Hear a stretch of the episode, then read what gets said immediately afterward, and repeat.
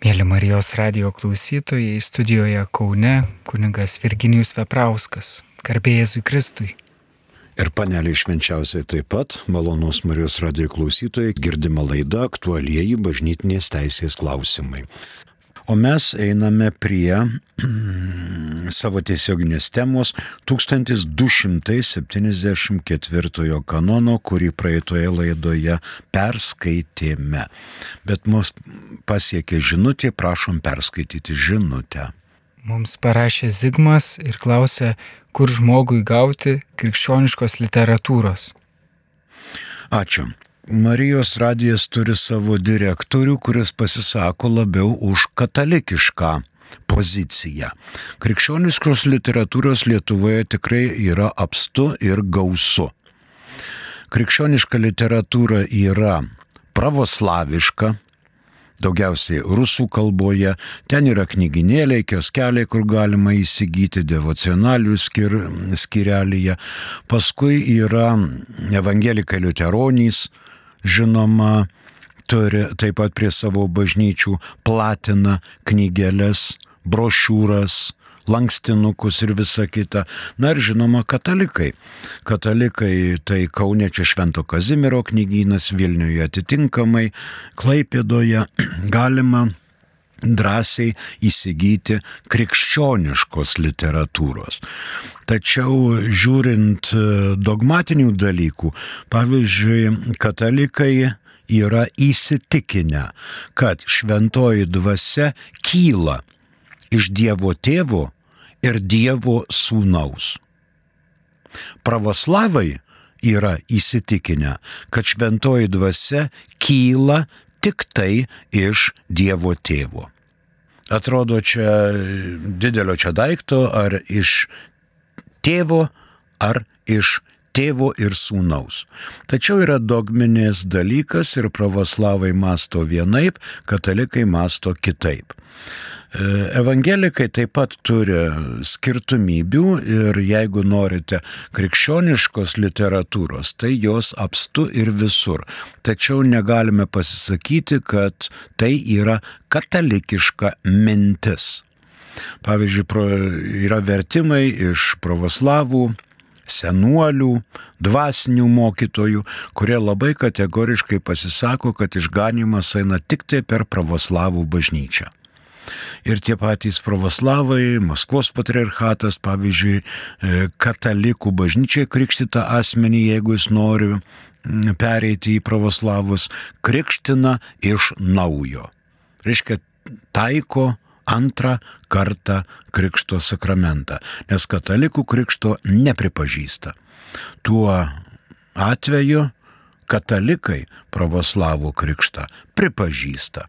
Yra ir visokių kitokių skirtumų, taip kad kai skaitote krikščionišką literatūrą, reikia dar matyti šiek tiek, kas dedasi mokymo plotmėje, kad nebūtumėte klaidinami. Dabar einame tiesiai prie 1274, mums į pagalbą ateina Biblija. Evangelija pagal Luką 10 skyriaus 7 eilutė. Prašom. Pasilikite tuose namuose, valgykite ir gerkite, kas duodama, nes darbininkas verta savo užmokesčio, nesikilnokite iš namų į namus. Ačiū. Darbininkas vertas savo užmokesčio. 1274 apie teisingą atlygį dvasininkams ir kitiem patarnaujantiesiems bažnyčioje. Taigi darbininkas vertas savo užmokesčio.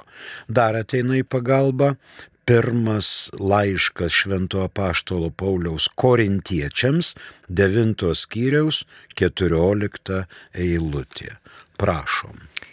Taip ir viešpats yra patvarkęs, kad Evangelijos kelbėjai gyventų iš Evangelijos. Va, kad Evangelijos kelbėjai gyventų iš Evangelijos. Dar 281 kanono pirmas paragrafas. Kadangi dvasininkai pasišvenčia bažnyčiai, bažnytiniai tarnystiai, jiems priklauso jų padėtį atitinkantis atlyginimas, atsižvelgiant tiek į pareigų pobūdį, tiek į vietos ir laiko sąlygas, leidžiantis jiems pasirūpinti savo gyvenimo poreikiais ir teisingai atsilyginti jiems patarnaujantiems.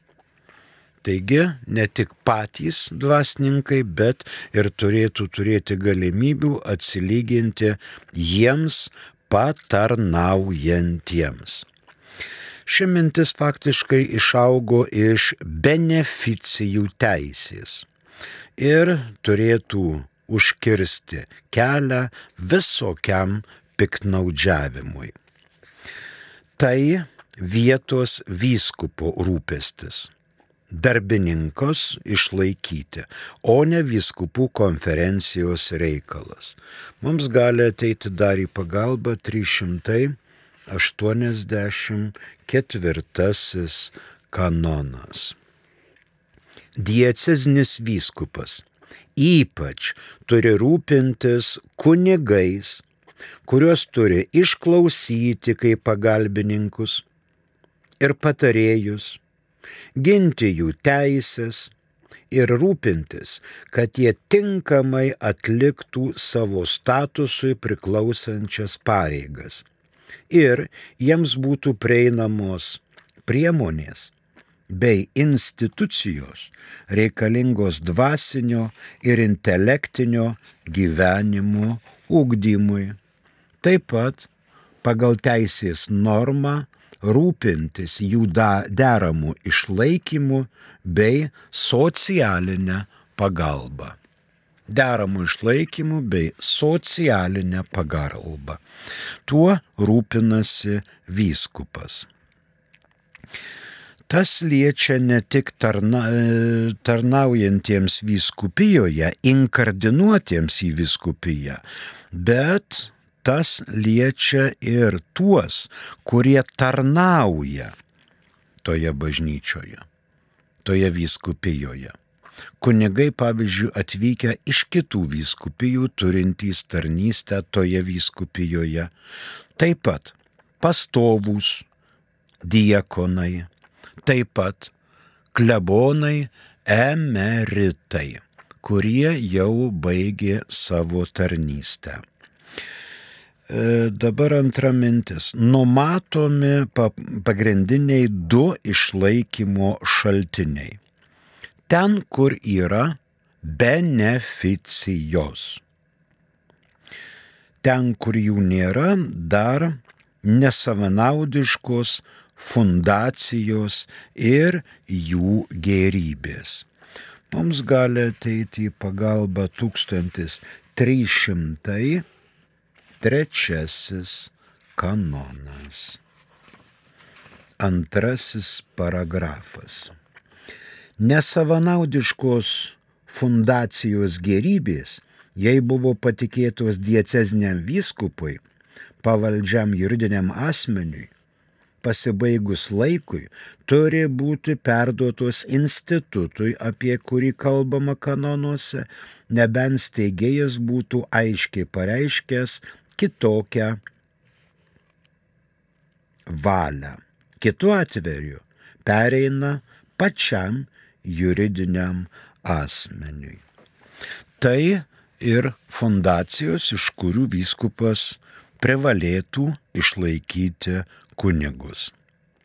Kiti kunigų išlaikymo šaltiniai yra tikinčiųjų aukos, rinkliavos pagal prašymą, jau girdėtos įvairios fundacijos, fondai, sutartys.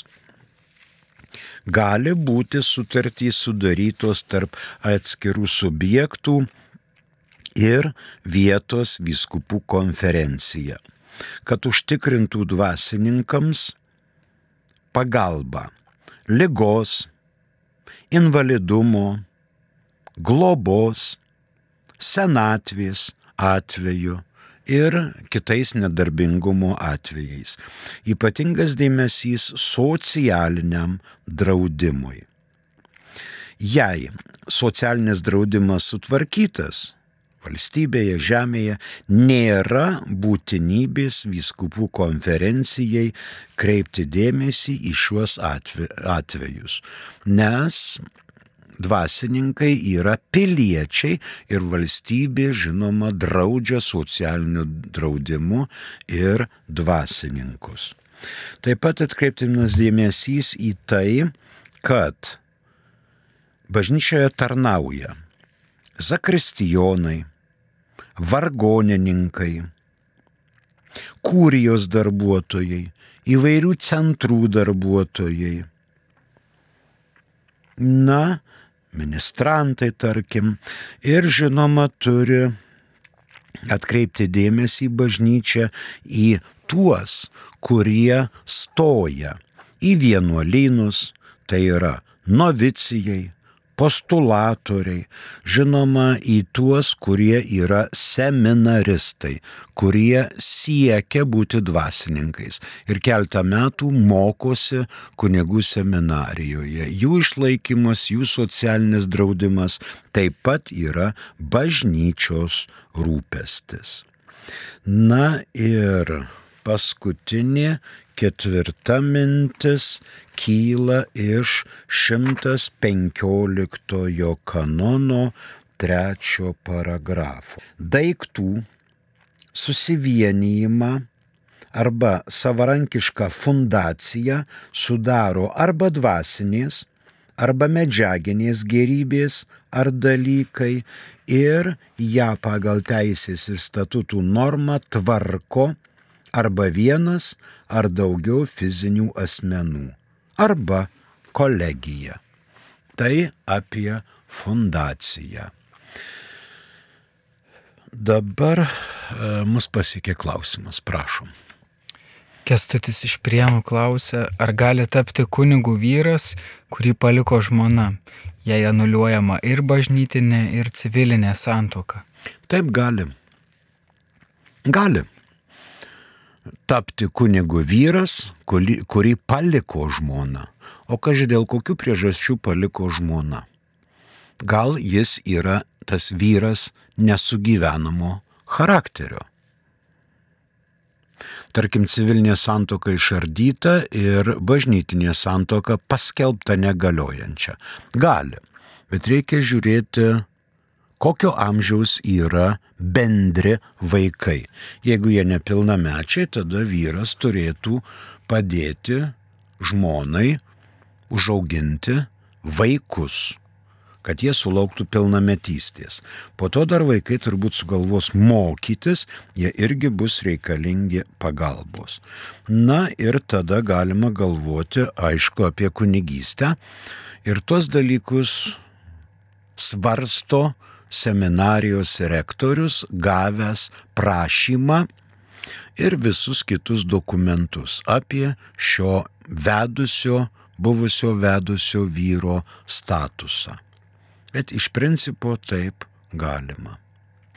1274 kanoną pabaigėme, rytų kanonuose atitikmuo yra 1021 fiksuojame penki paragrafai. Pirmas. Kiekvienoje vyskupijoje turi būti speciali institucija, surenkanti gerybės arba aukas, kad būtų pasirūpinta vyskupijai tarnaujančių dvasininkų išlaikymu pagal kanonų normą, nebent jais būtų pasirūpinta kitaip. Antrasis kur dar nėra tinkamai organizuotas dvasininkų socialinis aprūpinimas, vyskupų konferencija turi pasirūpinti, kad būtų institutas pakankamai užtikrinantis dvasininkų socialinę apsaugą. Trečiasis. Kiekvienoje vyskupijoje, kiek tai būtina, turi būti įsteigtas bendras fondas, leidžiantis vyskupams vykdyti įsipareigojimus kitiems bažnyčiai tarnaujantiems asmenims ir patenkinti įvairius vyskupijos poreikius. Taip pat per jį turtingesnės vyskupijos galėtų pagelbinti vargingesniems. Ketvirtasis. Pagal įvairias vietos aplinkybės tikslai, apie kuriuos kalbama aukščiau išvardintuose paragrafuose, gali būti tinkamiau siekiami per tarpusavyje susivienijusius vyskupijų institutus arba bendradarbiavimą arba net per atitinkamą asociaciją įkurtą įvairioms vyskupijoms ir netgi visos vyskupų konferencijos teritorijai. Na ir penktasis, bet prieš tai telefonas, prašom. Paskambino Vinsas iš Vilniaus. Klausom jūsų. E, reiškia, aš esu parašęs e, į Kauno arkiviskupiją elektroninį laišką ir į Marijos radiją elektroninį laišką ir, ir negavau jokių atsakymų. Nu, tai yra žinutės, kad jie pasiekė tie laiškai adresatą. Čia gal ne kanoninis klausimas, bet ar dėrėtų jiems e, man pranešti, ar, ar kažkoks atsakovas turėtų būti pas juos, gal jūs galėtut pakomentuoti. Galėčiau pakomentuoti, jeigu gauna ir jūs matot, kad nuėjo, tai turėtų atsakyti bent per mėnesį laiko. Ir neaišku, kokio pobūdžio klausimas. Jeigu ten jūs rašote, ei, jūs ten gaidžiai, nu tai tada prasideda, žinot, kažkoks tai nesusipratimas. Bet jeigu yra kažkokio tai pobūdžio klausimas, liečiantis kažkokius konkretumus, tai turėtumėt gauti atsakymą. Aišku, nesėdim sekretorė prie internetinio puslapio ir per penkias minutės neduoda atsakymų. Galbūt reikia pasinagrinėti jūsų užduotą klausimą, gal reikia pastudijuoti, gal dar kokių dalykų, nes mes nežinome, kokio pobūdžio klausimą jūs pateikėte Kauno arkiviskupijai ir Marijos radijai. Ačiū. Tai dabar penktas paragrafas prie 1274 kanono. Šie institutai, jei įmanoma, turi būti įsteigti taip, kad būtų pripažįstami ir civilinėje teisėje. Mes gyvenam teisinėje valstybėje, todėl didelis dėmesys kreipiamas, kad institutai turėtų būti pripažįstami ir civilinėje teisėje. Kitas 1275. Gerybių gautų iš įvairių vyskupijų fondas administruojamas pagal suinteresuotų vyskupų atitinkamai suderintas normas. Tai pirma mintis. Tarp diecezinių gerybių valdymas arba tarp vyskupinių gerybių valdymas turi tris uždavinius - dvasininkų išlaikymas, antrasis - bendrasis fondas bendriems reikalams. Ir trečia mintis - tarp diecezinė kunigų seminarija, kuri įkurta tarp viskupijų. Dabar vyskupijos, dirbdamos prie fondų, privalo sudaryti sutartis, kuriuose atsispindėtų visa eilė dalykų. Koks tokių gerybių tvarkymų fondų tikslas, valdymo organai, veikimo būdai, gerybių padala, kad nebūtų Lemonui, Lemonui, Danieliui, Danieliui, Danieliui, Lemonui, kad būtų žinomos proporcijos, kokiomis padalomis gerybės dalomos.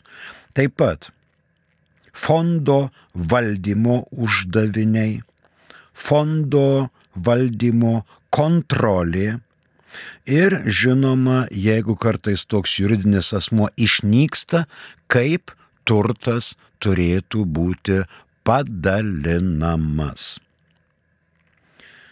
Dabar, jeigu toks fondas ir būtų, tai kiekvienas vyskupas savoje vyskupijoje yra kompetitingas šito fondo valdymui, bet ne vyskupų konferencija.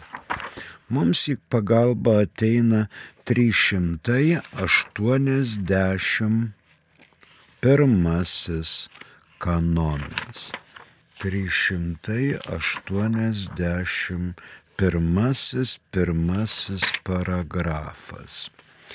Dieceziniam vyskupui, jam patikėtoje vyskupijoje priklauso visa ordinarinė, sava ir betarpiška gale, reikalinga vykdyti jo pastoracinės pareigas, išskyrus atvejus pagal teisę ar popiežiaus dekretu rezervuotus aukščiausiai ar kitai bažnytiniai valdžiai.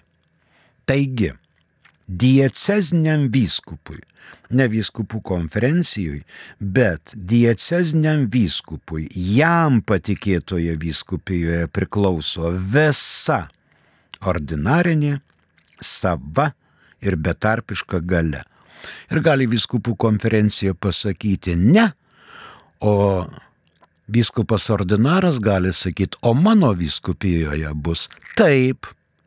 Ir jis yra teisus, kadangi jam šią galę suteikė popiežius. Vyskupas atsako už tai, kas dedasi jo vyskupijoje, o ne vyskupų konferencija. Rytų kanonuose atitikmens 1275 nėra. Fiksuojame gerybių gautų iš įvairių vyskupijų fondas administruojamas pagal suinteresuotų vyskupų atitinkamai suderintas normas. Dabar iš eilės eina 1276. Tačiau prieš tai turime klausimą. Prašom. Mums paskambino Silvija iš Kauno. Taip, norėčiau paklausti. Mhm. Klauskit. Antrojo bažnyčios susirinkimo metu buvo pakeista, reiškia, piktas daiktavardis į pikto. Tai dabar norėčiau paklausti, ar pakeitimą gali viskupijose daryti viskupai, ar čia jau irgi turės būti bažnytinis susirinkimas ir, ir nuspręsti, kaip čia toliau bus. E, pasakykit, mintėlį nepadėkit ragelio, kas yra pikto ar piktas? Čia uh, yra Kontekstas. maldo žodžiai. Kontekstas, taip, kurioj maldoj? Tai yra mūsų maldoj. Nu, kurioj vietoj?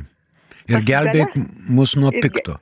Taip, nuo pikto atrodo, kad anksčiau buvo įvardintas piktasis.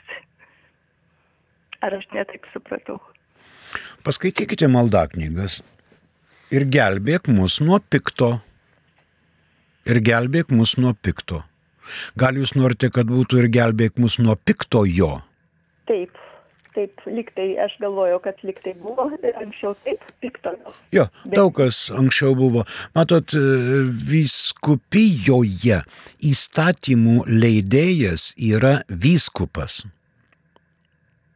Ir jūs su šituo, sakėt, antrojo sus, susirinkimo, turbūt turėjote omeny antro Vatikano susirinkimo. Taip, antro Vatikano. Ai, Vatikano, aš maniau, kad antrojas ten Halcedono laikais, ar Nikėjaus Konstantinopolio šito. Tai. O dabar antro Vatikano susirinkimo, jeigu piktojo, tai reiškia piktojo. Jūs turėdama tokią argumentaciją galite kreiptis į Lietuvos viskupų konferenciją, kad jie priimtų sprendimą sprendimą ir parašytų ne pikto, bet piktojo. Ir vėl tada prasidės spaustuvių spausdinimas, naujų maldaknygių ir taip toliau. Galite kreiptis, darykite inicijatyvą, argumentuotą ir motivuotą. Ačiū už klausimą. Dar viena esame žinutė, prašom. Žinote, per maldos intencijų skilti radio svetainėje Ramutė iš Priekulės klausė, kaip katalikų bažnyčioje vykdoma enciklikos laudatos į gairės. Nu tai pirmiausia reikia pasižiūrėti, kas yra laudatos į ir ar tai yra enciklika. Kaip minėjau, kiekvienoje vyskupijoje įstatymų leidėjas yra vyskupas vyskupas. Ir jisai, žinoma, yra skaitęs Leudato Si, bet jeigu jis netkreipė, atkreipė dėmesį, tai yra gerai, o jeigu netkreipė dėmesį, gal jis galvoja, kad šitos gairės neturėtų būti vykdomos. Čia priklauso nuo vietos vyskupo. Enciklika yra labai svarbus bažnyčios mokymas mes dar esame tame kelyje, kad neturime naujausio mišolo. Dabar vietos viskupų konferencija dirba versdama skaitinius ir versdama mišolą.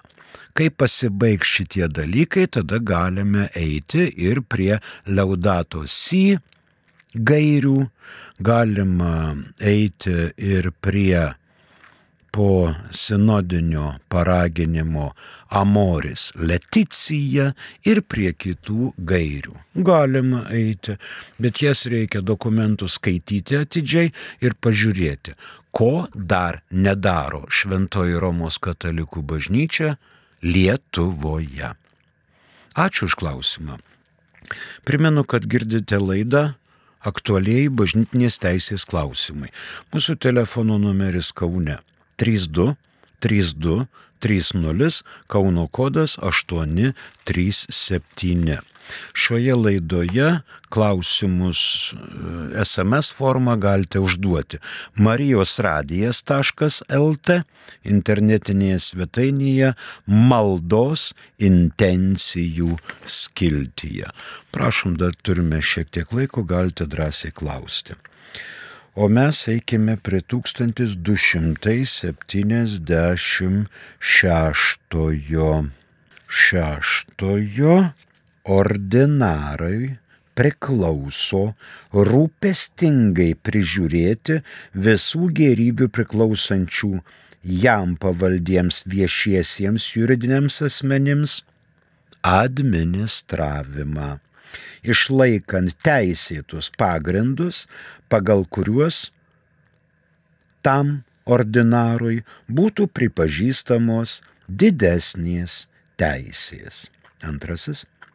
Ordinarai atsižvelgdami į teisės, teisėtus papročius ir aplinkybės turi pasirūpinti sutvarkyti visus bažnytinių gėrybių administravimo reikalus, išleisdami specialias instrukcijas pagal visuotinę ir partikuliarinę teisę. Taigi, ordinarui priklauso priežiūra jam pavaldžioms institucijoms. Gal čia ne tiek kontrolė, bet šiek tiek daugiau stebėjimas. Stebėjimas. Nes jis privalo stebėti. Į pagalbą ateina 392 kanonas.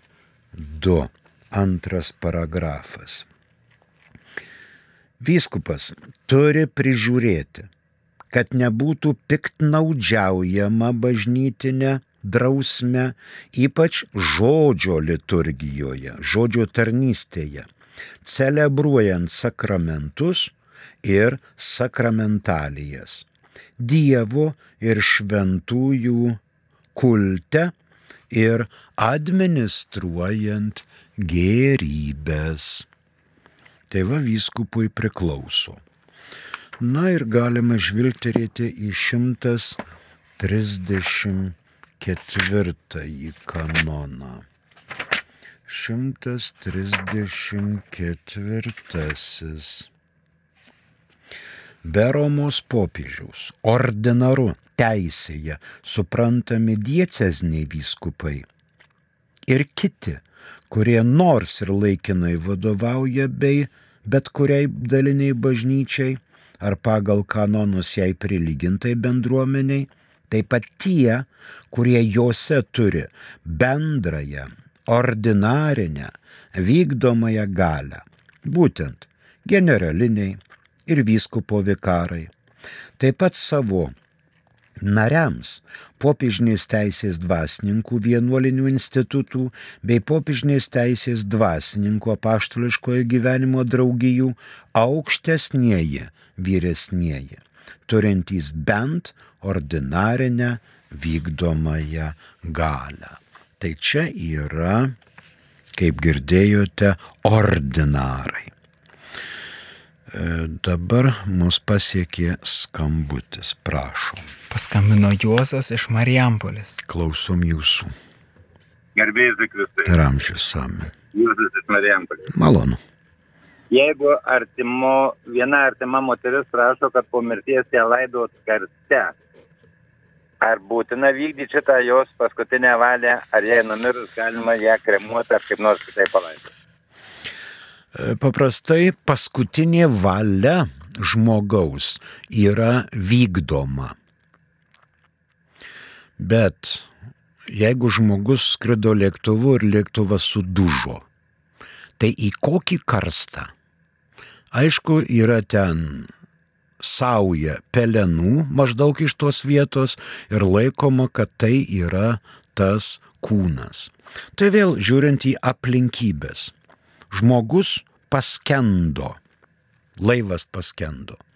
Ir kūnas suiro, suremė vandenyje. Kaip tu tą kūną į karstą?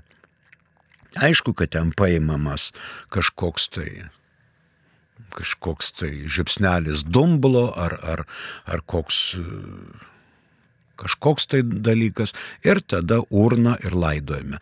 Žiūrint pagal aplinkybės. Bet faktiškai testamentas Juozai turėtų būti vykdomas.